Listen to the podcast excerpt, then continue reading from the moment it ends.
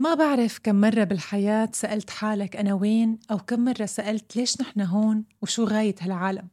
بس بعرف أنك سألت هالسؤال وكل مرة كنت عم تحاول تلاقي إجابة طلعت لك أسئلة أكتر. بس السؤال اللي رح أسألك إياه اليوم هل مهم تعرف شو الغاية عن جد ولا فيك تستغني عنها؟ خليك معي واسمع هالسيرة.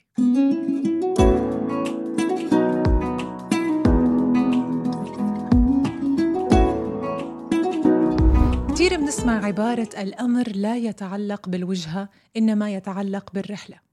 بس خلينا ناخد نفس ودقيقة نفهم لأنه كتير مكرر صار. فشو يعني هالكلام وكيف بيفيدنا وشو لازم نعمل فيه؟ كل إنسان بيطمح بالوصول لنقطة معينة بالحياة يحقق فيها ذاته أو حاجة يعتبر إنه بتنقصه.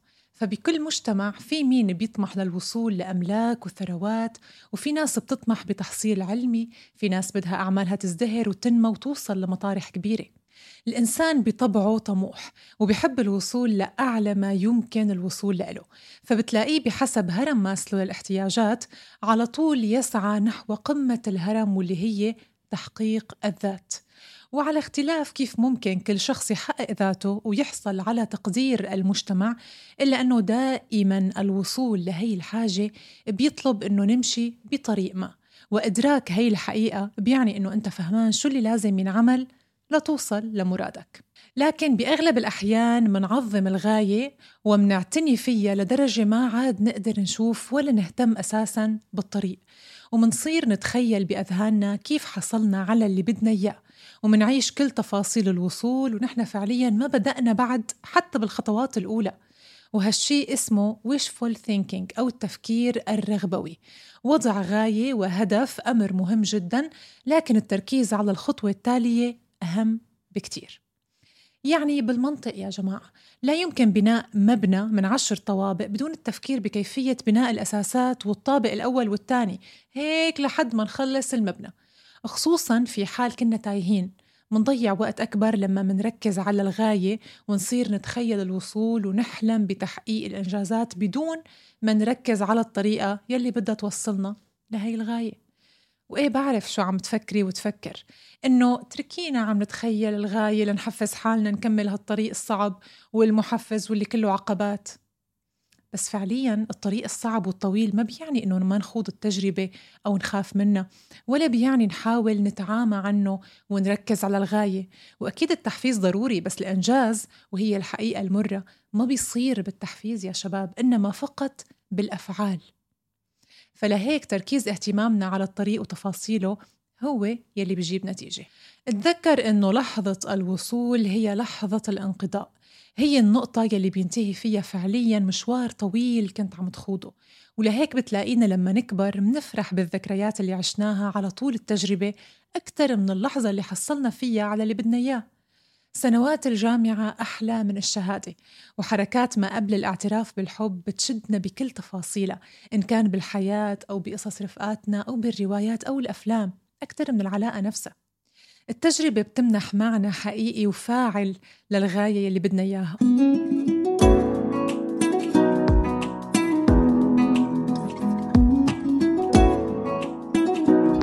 لو كان كل موضوع بهالسهولة الكل كان عمله فشو هي الطرق اللي من خلال تنفيذها فينا فعلا نركز على الطريق مش على الغاية؟ من شبه المستحيل الوصول لأي هدف بالحياة إذا ما كان هدف ذكي. الهدف الذكي بيكون أول شي محدد. يعني واضح شو بدنا نحقق بالضبط. مثل بدي أنحف 20 كيلو. اثنين قابل للقياس. يعني ما فيك تقول هدفي بدي حب مرتي أكتر لأنه الحب مو قابل للقياس. ثلاثة الهدف لازم يكون قابل للتحقق. مثل إنه أنا بدي زيد دخلي بمقدار كذا وتحط رقم منطقي. أربعة لازم يكون الهدف ملائم بيتناسب مع العالم المحيط ومع آرائك وأفكارك ومعطيات المحيط.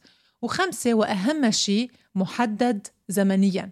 لا تقلي عن هدف وما تخبرني ايمت ايمت رح يصير وتلتزم بهذا ال deadline وكأنه لا يوجد فرصة بعدها على الإطلاق. تساعدنا هي الطريقة أنه نصنع هدف صحيح نقدر نرسمه وبعدها نركز على طريقنا.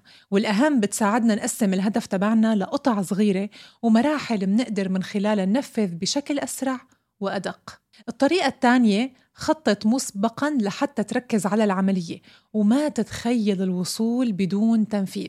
ارسم خطة كاملة أتوقع فيها التحديات والمخاطر اللي ممكن تلاقيها على طول الطريق. فإذا كنت بدك تنقص وزنك خطط لوجباتك مسبقا. خزن الوجبات الخفيفة الصحية حدد مواعيد التدريب مسبقا بحيث تمشي مع مواعيد أعمالك وبدون ما تتعارض مع أوقات التمرين. ونصيحة شو ما كان الخطة تبعك لتوصل لهدف ما على طول ارسم خطة تانية احتياطية. لأنه الدنيا فيها كتير وما حدا بيعرف كيف بلحظة ممكن تنقلب الأمور. الطريقة الثالثة سهلة ولطيفة ومفيدة. تتبع التقدم يلي عم تحققه. احتفظ بسجل لأعمالك والشي يلي أنجزته وراجع هيدا السجل على طول. هالشي بيساعدك تعرف قديش أحرزت تقدم. شو الأمور اللي نجحت فيها وبالتالي فيك تكررها وشو الأمور اللي فشلت فيها وبالتالي تبعد عنها. كمان هي الطريقة بتساعدك على الاحتفاء بالإنجازات البسيطة وهالشي بيعطيك جرعات دوبامين تخليك تأدمن النجاحات وتستمر بتحقيقها. وأكيد ما بدك مين يقلك لما تحقق إنجاز دلل حالك.